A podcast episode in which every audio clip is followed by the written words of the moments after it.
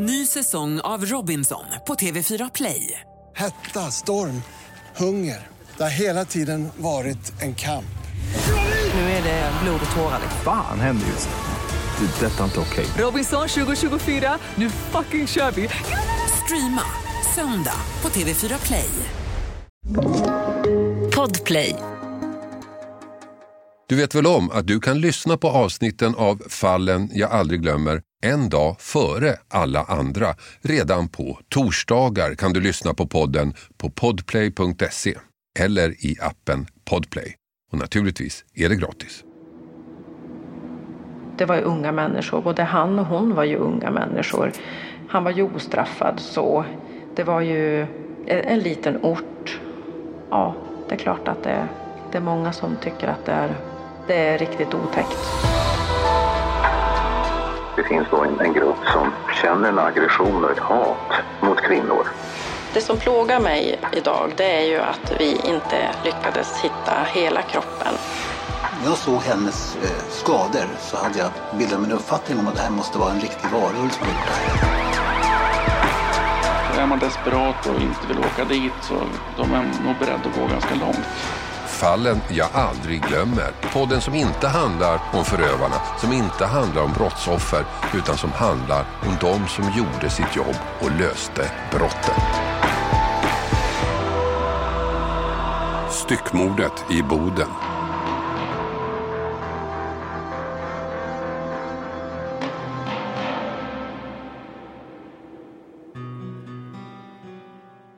Ett fruktansvärt mord, en ofantlig tragedi men också en väldigt speciell utredning. En ung kvinna försvinner. Polisen vet inte vart hon tagit vägen, vad som hänt eller om hon lever. Men redan innan hennes öde är känt, redan före polisen vet om hon är mördad eller inte, har man två misstänkta. Två personer, två av varandra oberoende personer. En av dem är förmodligen skyldig. Men till vad? Ingen vet ens om det begåtts ett brott och i så fall vilket. Det här är mycket ovanligt. Boden 2013, tisdagen den 7 maj kommer en pappa in på polisstationen och anmäler att hans 20-åriga dotter Vatchareeya Bangsuan har varit försvunnen i tre dagar. På lördagen den 4 maj skulle hon till en kompis och plugga. Vilken kompis, det vet inte pappan. Hon kom aldrig hem efter det. Han hade försökt ringa henne redan på lördag kväll men hennes telefon var avstängd och hade varit det sedan dess. Vatchareeya var en vanlig ung tjej, pluggade flitigt, hade kompisar, tränade, gjorde aldrig något konstigt, kom alltid hem. Skötsam, ambitiös och pålitlig. Det fanns ingen rimlig förklaring till att hon bara försvunnit. Lotta Daniels kom att bli utredningsledare i fallet. Så här säger hon om varför polisen så tidigt tog det här försvinnandet på allvar. Ja, men det var ju dels det att eh, hon eh, inte hade liksom eh, gett något uttryck för att hon hade för avsikt att lämna eller uttryckt någon form av livsleda.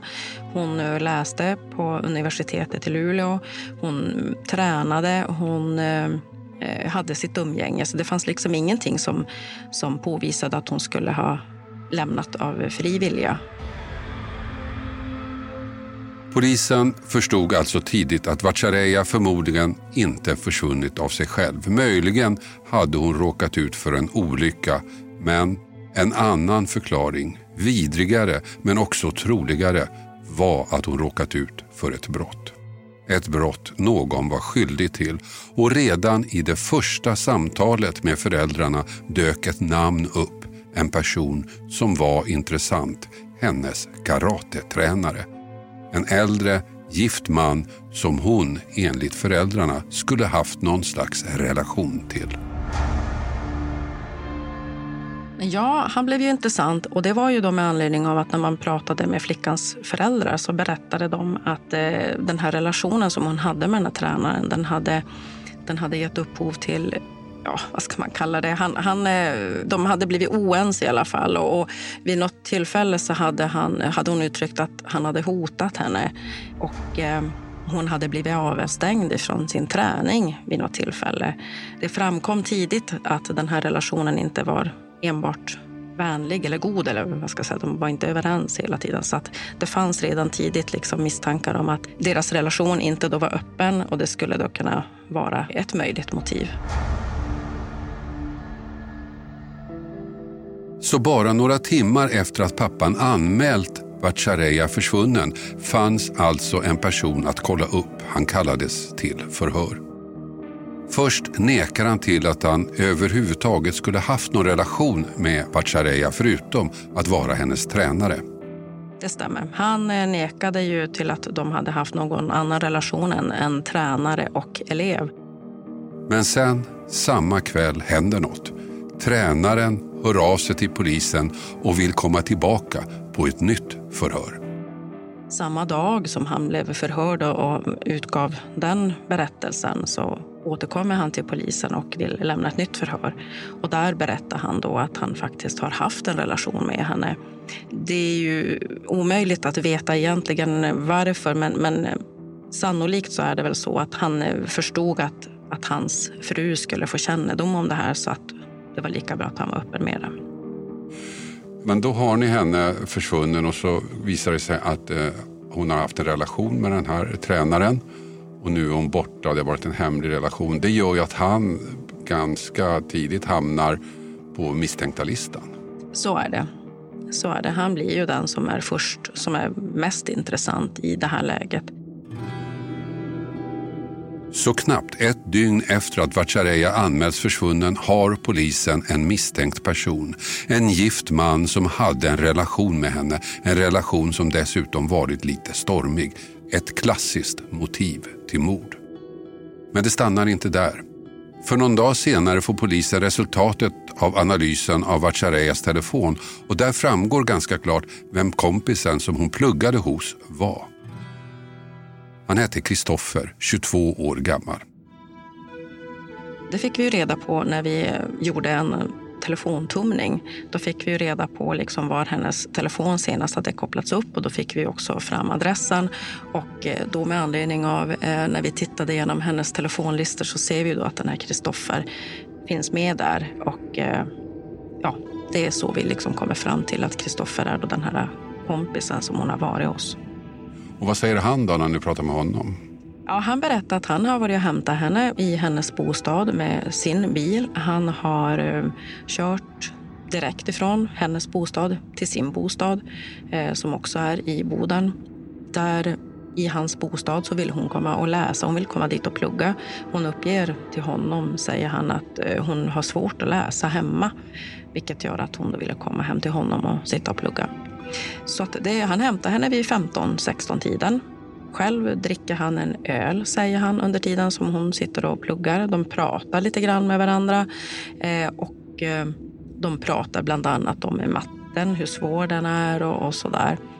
Sen vid 2021-tiden så då ger hon uttryck för att hon ska åka hem. Och då erbjuder han sig att köra henne, men det tackar hon nej till, säger han, för att han skulle då ha druckit alkohol. Eh, så han menar på att hon då lämnar bostaden till fots och han vet inte liksom mer. Han uppger också hur hon är klädd och, och liksom de, de böcker hon bar med sig. Det är det han säger. Egentligen inget märkligt i det första förhöret men det faktum att Kristoffer faktiskt var den sista som såg Vatchareeya i livet gör att han också hamnar på polisens lista. Inte som misstänkt kanske, inte än, men som intressant att hålla koll på. Två dagar efter att pappan anmälde sin dotter försvunnen. Två personer på lista över intressanta. Tränare med ett motiv, Kristoffer med en möjlighet. Men än vet ju polisen inte om något brott verkligen har begåtts. Ändå beslutar man sig för att koncentrera utredningen på tränaren och börja följa honom. Han kanske kan leda spanarna till henne.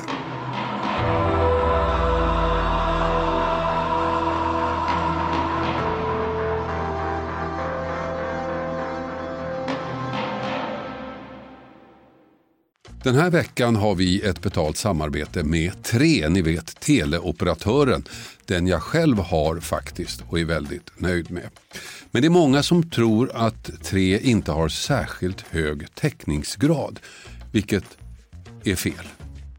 Och så är det ju faktiskt med mycket vi tror oss veta, att det vi tror är sant kan vara falskt och det vi tror är falskt kan visa sig vara sant. Jag hade faktiskt ett telefonsamtal med en kompis för inte så länge sedan, via tre då förstås, och vi snackade om myter. Och jag tycker mig ha koll på sånt, vad som är sant och vad som är falskt. Men det är inte alltid så lätt. Till exempel berättade min kompis, ni vet om myten att svalor flyger lägre när det ska bli dåligt väder. Falskt sa jag, men det visade sig vara helt sant. Och så det här att man, om man duschar varmt på sommaren så blir man svalare. Det trodde jag inte heller på, men det visade sig också vara sant. Så det blev lite en aha-upplevelse för mig. Men så pratar vi om vår gemensamma operatör. Ja, de har ju väldigt bra täckning, sa han. Och där visste jag att han har rätt. Han visste att tre har byggt ut och nu har väldigt stor täckning. Men det är inte alla som vet. Och ibland är det inte riktigt som man tror. Sanningen är att tre nu täcker otroliga 99,3 procent av Sveriges befolkning och det avser rösttäckning baserat på folkbokföringsadress. Så läs mer på 3.se om hur de bygger ut sitt nät och täckning. Tack 3. Den här veckan har vi ett betalt samarbete med Hello Fresh, världens ledande leverantör av matkassar hem till dig. Kassar som ger dig en enklare vardag och massa matglädje på det. Nu kan du som lyssnar få extra bra pris. Med koden FRESHFALLEN kan du få upp till 1359 kronors rabatt. Jag har testat flera matkassar och det är två saker som jag tycker gör Hello Fresh extra bra. Dels förstås att jag slipper planera mat varje dag. Menyerna finns redan där. Men också för att man får precis den mängd ingredienser man behöver. Det blir inte massa saker över i skafferiet. Inget matsvinn, inga bortslösade pengar. Och sen får man ju matglädje förstås, koll på budgeten och enklare vardag. Och också möjligheten att testa nya smaker med recept från hela världen. Allt är väldigt enkelt att laga, instruktionerna är glasklara. Så vill du få en enklare vardag, minska matsvinnet och testa nya spännande smaker. Gå in då på hellofresh.se och använd koden FRESHFALLEN. Den ger dig upp till 1359 kronors rabatt på dina fem första kassar. Plus fri frakt på första matkassen om du inte provat HelloFresh förut. Har du varit kund tidigare kan du också använda koden om du avslutat ditt abonnemang för 12 månader sedan eller längre. Tack HelloFresh. Ny säsong av Robinson på TV4 Play. Hetta, storm, hunger. Det har hela tiden varit en kamp. Nu är det blod och tårar. Fan händer just nu. Det. är Detta är inte okej. Robinson 2024, nu fucking kör vi! Streama söndag på TV4 Play. Är det dags för ett nytt kök, badrum, nya garderober eller nya vitvaror? Låt oss på HTH Köksstudio hjälpa er. Med erfaren personal och brett sortiment guidar vi er hela vägen till färdigt resultat. Dela upp er betalning räntefritt upp till 36 månader. HTH Kök, det kallar vi kökskärlek som håller.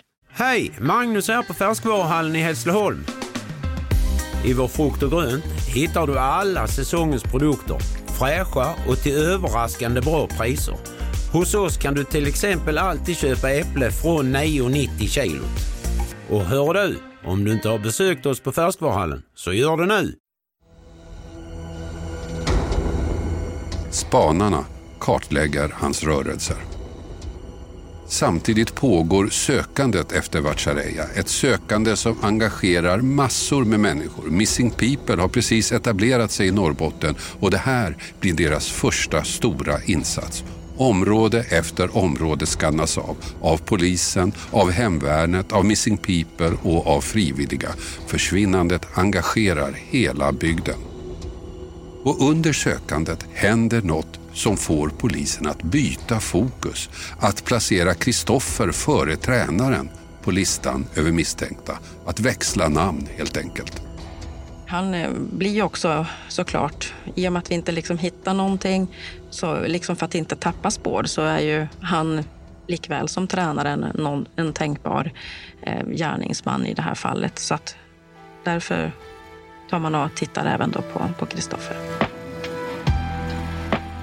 Ja, det var många som reagerade på Kristoffers märkliga beteende. Hur han anmälde sig men egentligen inte sökte. Hur han plötsligt kunde lägga sig ner och åla på marken.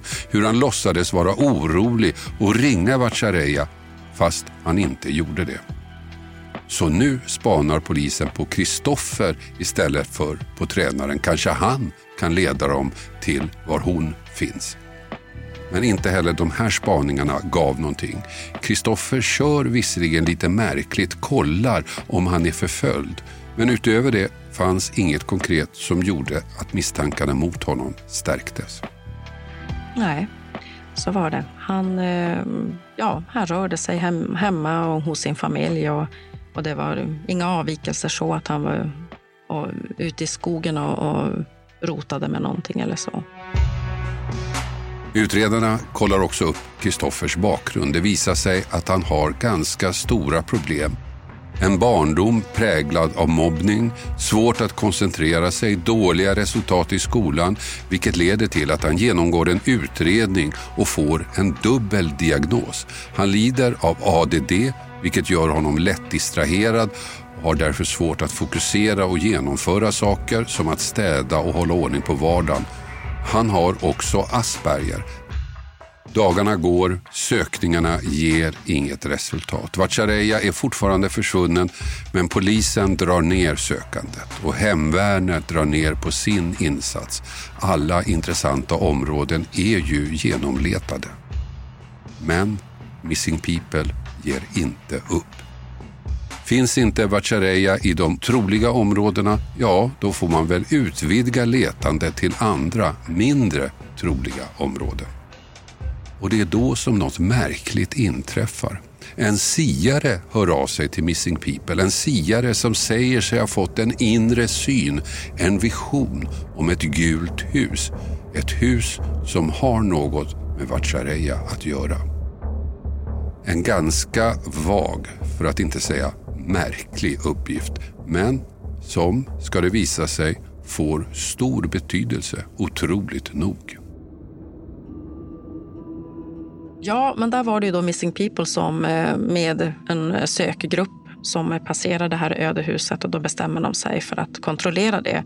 Det ingick inte egentligen i deras söksegment men de valde att eh, stanna till och titta på det här huset. Och det var då med anledning av att en siare hade hört av sig och eh, nämnt om ett gult hus som skulle då finnas ute i skogen och så där. Och eh, den här från Missing People kopplade ihop då den där siarens tips med det här huset. Så de stannar på platsen eh, och går runt och tittar. Och då är det en av, av i det här söksällskapet som kliver in. Det är en, en, som en spång som är upplagd mot en, en fönsterglugg. Eh, så han kliver in genom den här spången och tittar in hoppar in i det här utrymmet som är ganska mörkt. Eh, men när han då tittar till höger så ser han att det ligger någonting på golvet där och det ligger ett par ben. Och benen ligger liksom utlagda så att han är lite osäker på om det här är äkta ben eller om det är ben ifrån en docka.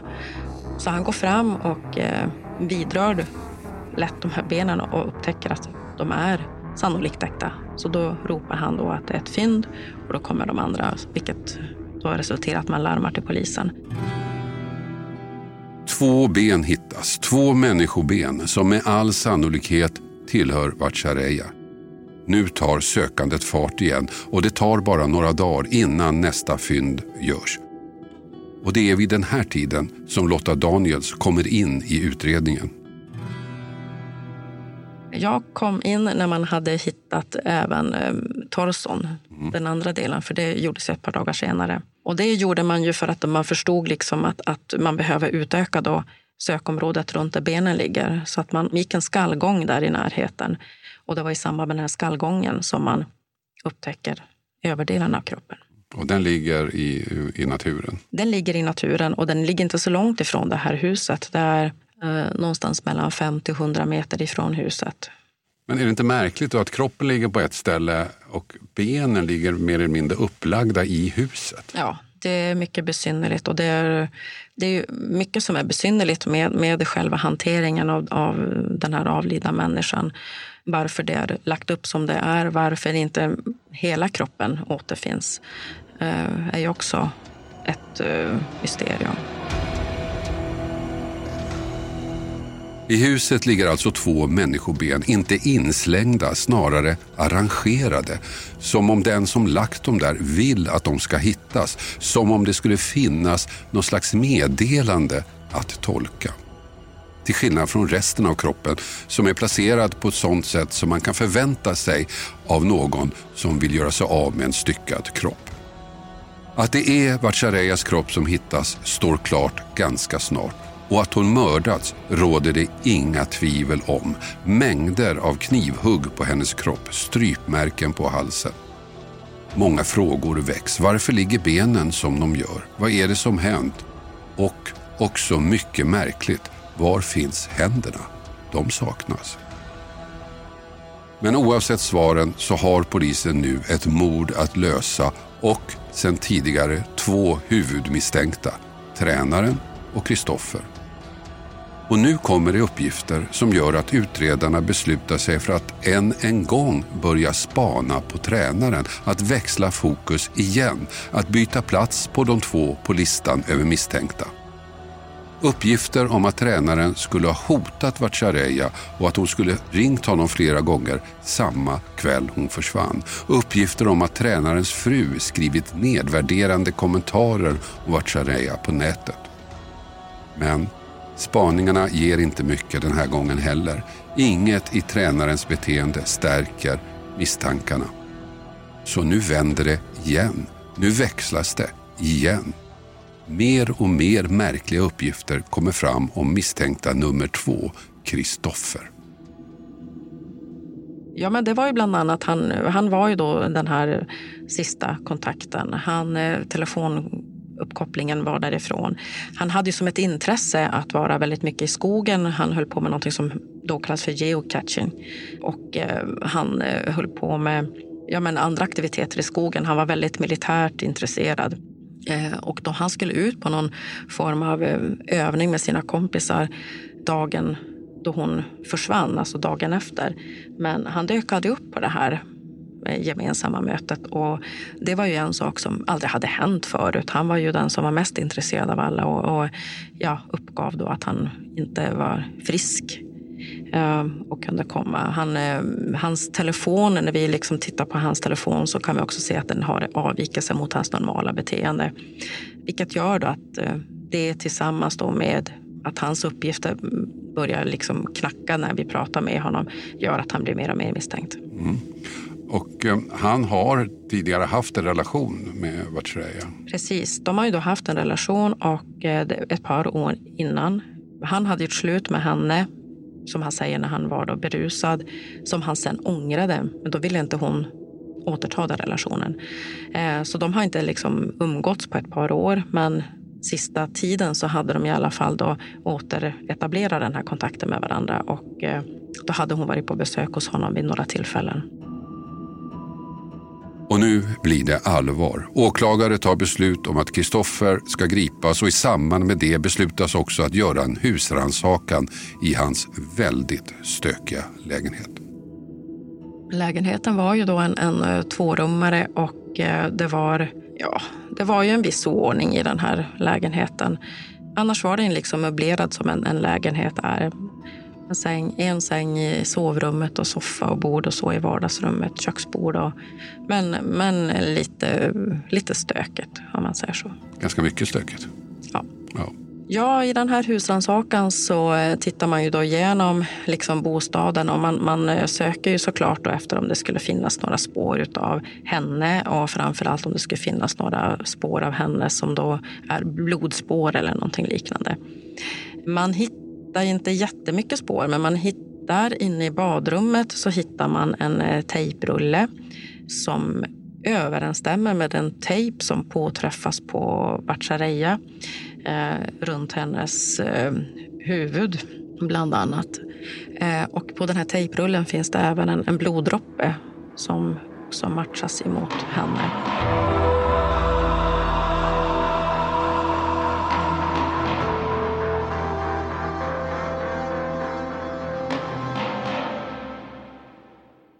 Ny säsong av Robinson på TV4 Play. Hetta, storm, hunger. Det har hela tiden varit en kamp. Nu är det blod och tårar. Fan händer just nu. Det. är Detta är inte okej. Robinson 2024, nu fucking kör vi! Streama söndag på TV4 Play. Aj, aj, aj, det kluckar i rören. Men det är väl inget att bry sig om? Jo, då är det dags för de gröna bilarna. Spolarna behöver göra sitt jobb. Spolarna är lösningen. Ah, hör du? Nej, just det. Det har slutat. Sälja bilen? För dåligt betalt av din traditionella bilhandlare? Växjö Bilförmedling hjälper dig. Vi börjar med en kostnadsfri värdering. Tänk vad skönt att slippa tvättning, fotografering och ta hand om alla tänkbara och otänkbara köpare. Se vår instruktionsfilm på Facebook om hur det fungerar och anlita oss. Växjö Bilförmedling. En sak står klar. Oavsett vad som har hänt Vatchareeya så var det inte i den här lägenheten hon blev mördad. Inga spår efter blod på golv, väggar, möbler eller avlopp. Ingenting som tyder på något bråk. Men en tejprulle alltså. En rulle med tejp som liknar den som fanns på kroppen. En rulle med en liten fläck av blod. Vatchareeyas blod. Men det slutar inte här. Även Kristoffers bil genomsöks. Han hade ju då också en bil och den här bilen undersöker vi. Och eh, när vi då gör en kontroll inne i bagageutrymmet som är väldigt fullt med, med saker så ser vi stora rester av blodansamlingar som är då borttvättade men, men de, den går att ta fram ändå med, med våra undersökningsmetoder. Och där ser vi att, att det har varit en ganska stor ansamling med blod på kanten av den här bagage luckan men även liksom inne i bagageutrymmet. Det påträffas även ett par handskar, arbetshandskar och där det också finns blodrester. Och, eh, det här eh, talar då med, med någon form av sannolikhet att det här då tillhör Vatchareeya.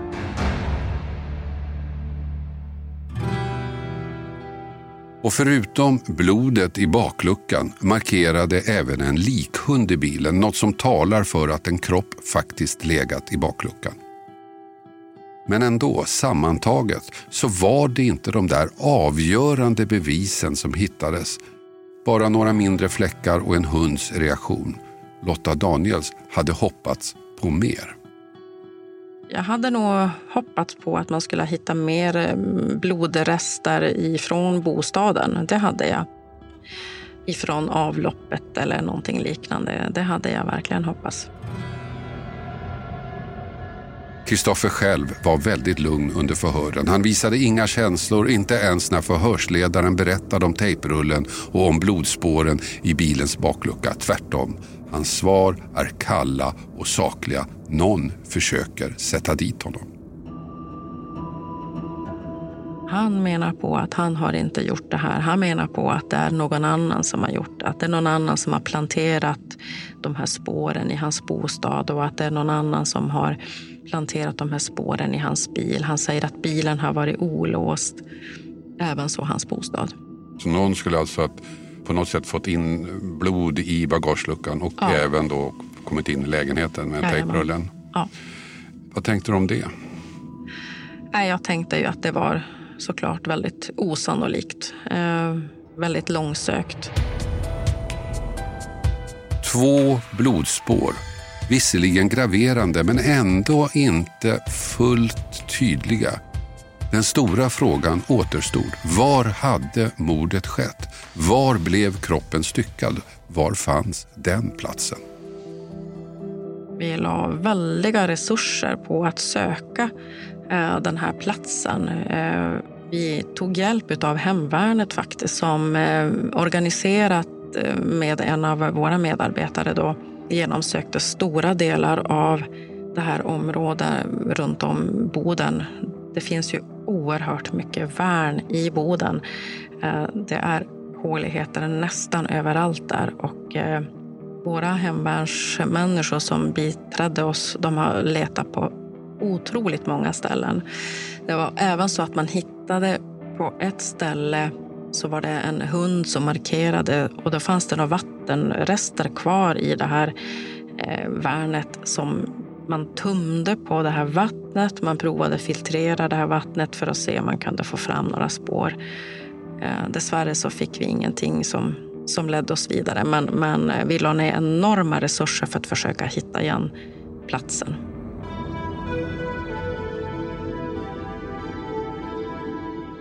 Längre kom inte utredningen. Rättegången startade och huvudbevisen blev tejprullen med en liten bloddroppe på och blodresterna i bilen. Och det var ju mycket som saknades. Var hade mordet skett? Var fanns mordvapnet? Var styckades kroppen? När hände det? Varför låg benen upplagda som de gjorde i huset medan resten av kroppen låg slängd i skogen? Och var fanns händerna? Det fanns inte väldigt mycket bevis, men det var ju väldigt många indicier som talade emot honom, eh, vilket då ändå gjorde att eh, sammantaget så kände jag mig helt övertygad om att det här det var rätt man som vi har haft som misstänkt. Men eh, visst är det en form av en oro ändå att det kanske inte håller hela vägen. Tingsrättens dom kom den 13 oktober 2013. Rätten fann att Kristoffer var skyldig till mord. Han dömdes till 14 års fängelse. Domen överklagades förstås och hovrätten gjorde en annan bedömning. Ja, det var Kristoffer som dödat Vatchareeya. Det ansåg hovrätten också. Men han hade handlat i affekt, menade domstolen och dömde honom till dråp istället för mord och straffet sänktes från 14 år till 10. Något som förvånade Lotta Daniels. Det svåra att förstå det var ju för att man ändå kunde påvisa att hon hade så våldsamt mycket skador så att man kommer till ett sån, en sån slutsats att det skulle då vara ett dråp upplevdes ju väldigt eh, svårt att begripa förstå, eh, alltså för, för, eh, ja, men för mig och för många andra. Samtidigt så är det ju, det var ju inte det var ju inte liksom klarlagt att det var heller planerat, att det var liksom avsiktligt på det sättet. Så att när det har fått mogna ett tag så, så visst, jag, jag accepterar att man har kommit fram till det, men visst, det, det känns väldigt hårt att man kommer till ett dråp och i synnerhet när man sen då hanterar kroppen som den är gjord. Det fanns många som var kritiska till att Kristoffer överhuvudtaget åtalades som menade att hans diagnoser helt enkelt gjorde det omöjligt för honom att klara av allt det här. Stycka en kropp, gömma delarna, rensa och röja undan ledtrådar, städa brottsplatsen med mera. Det krävde saker han helt enkelt inte kunde klara av. Han som inte ens var förmögen att städa sin egen lägenhet. Men Lotta Daniels menar att diagnoserna har två sidor. En där han inte kunde koncentrera sig och genomföra saker men också en annan. Att det faktiskt fanns områden som han helt och hållet kunde gå upp i och fokusera på. Min bild är att eh, han var väldigt förmögen till att göra väldigt mycket bra saker. Han var ju, som jag säger, han var ju oerhört intresserad av av eh, det militära. Han var ju oerhört intresserad av det här geocachingen. Han, och det var han ju väldigt duktig i. Men det var väl också en del av hans bokstavskombination. Att, ja. att en del saker klarar han inte alls av, som att städa hemma och hålla snyggt i bilen. Medan andra saker kunde han fokusera otroligt mycket på. Ja, och då tänker jag att det här att eh, städa undan en sån här sak det är inte samma sak som att städa kylskåpet eller, eller torka ur torktumlaren på dammet, utan det här är en helt annan sak som är väldigt specifik. Så för mig, jag tycker inte att det låter så osannolikt. En av dem som var kritiska var advokaten Thomas Bodström. Tillsammans med journalisten Lars-Olof Lampertz skrev han en bok där de utvecklade kritiken. Så vi gick igenom det där väldigt noga och då kunde vi konstatera att man uteslöt inte tillräckligt mycket alternativa gärningsmän. Och eh, det fanns alternativa gärningsmän. Och där tycker jag att man kunde borrat ännu djupare. Det fanns uppgifter om att det fanns en kvinna som hade synts i närheten med liknande utseende som brottsoffret. Och det tycker jag var märkligt att man inte kunde riktigt ta reda på vem det var. För det kunde ju vara brottsoffret. Men det fanns ju en bevisbild eh, mot honom eh, med blod i hans baklucka på bilen och den här tejprullen med blod på i hans lägenhet. Menar du att det inte räckte? Det är definitivt starka bevis för att han på något sätt är inblandad. Men det är ändå så att man får inte nöja sig bara för att man får bevisning mot en person. Man måste ändå arbeta förutsättningslöst. Och eh, det här fallet var ett sånt där jag tycker att det var precis står och väger. Det fanns definitivt starka bevisning för att han har gjort det. Men det fanns också andra alternativa eh, förklaringar och det gör att finns det alternativa förklaringar, ja då är det inte kanske uppfyllt det som man säger ställt utan rimligt tvivel, robust bevisning och så vidare. Så det är ett gränsfall, men man hade kunnat gjort det ännu säkrare om man hade arbetat lite annorlunda. För Lotta Daniels blev det ett mycket speciellt fall. Komplicerat, stor uppmärksamhet, väldigt stora känslor. Ja, men det, det var ju ett stort ärende. Det blev ju ett svårt ärende. Det, det är mycket uppgifter som kommer initialt. Eh, och som sagt, jag var inte med från början. Men det är ju väldigt mycket som kommer. Och I synnerhet när det börjar som ett försvinnande så är det ju väldigt många som är angelägna att, att komma med tips och komma med bevisning. Att man hittar kanske saker i skogen. Så det, formligen dröste in med bevismaterial in till polisen som skulle sorteras och organiseras. Och, och sen så övergick det här då till en förundersökning, till en, en brottsutredning. Eh, så det är mycket uppgifter som ska då liksom sammanställas. Och, och, så det är ju svåra ärenden. Och som sagt det här att man inte lyckades hitta kroppsdelarna och brottsplatsen känns ju inte bra. Det här var också ett fall som upprörde många som väckte stor uppmärksamhet och engagemang. Mm. Ja, men det var det ju. Och det var ju sannolikt, tänker jag, att det är ju för att det var unga människor. Både han och hon var ju unga människor. Han var ju ostraffad så. Det var ju en liten ort. Ja, det är klart att det, det är många som, som tycker att det är, det är riktigt otäckt. Under fängelsetiden genomgick Kristoffer en könskorrigering och bytte namn. Ställde också upp på intervjuer för att prata om det. Däremot blev det ingen klarhet i själva fallet. Inga medgivanden, inget snack om fallet. Så frågorna återstår fortfarande. Var skedde mordet? Varför skedde det? Var finns händerna, de som fortfarande saknas? Frågor som aldrig kommer att få ett svar. Domen överklagades till hovrätten med en ny åklagare som också krävde livstid. Men hovrätten gick på tingsrättens linje och dömde samma straff. Den dömde är nu frisläppt och kan gå vidare med sitt liv. Men för Vatchareeya finns inget liv att gå vidare med.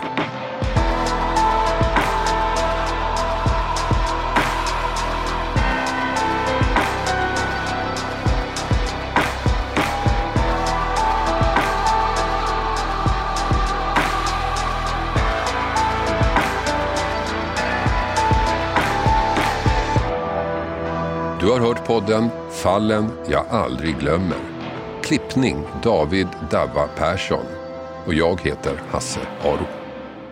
Du vet väl om att du kan lyssna på avsnitten av Fallen jag aldrig glömmer en dag före alla andra. Redan på torsdagar kan du lyssna på podden på podplay.se eller i appen Podplay. Och naturligtvis är det gratis. Podplay, en del av Ny säsong av Robinson på TV4 Play. Hetta, storm, hunger. Det har hela tiden varit en kamp. Nu är det blod och tårar. Fan händer just det. Det är detta inte okej. Robinson 2024, nu fucking kör vi! Streama söndag på TV4 Play.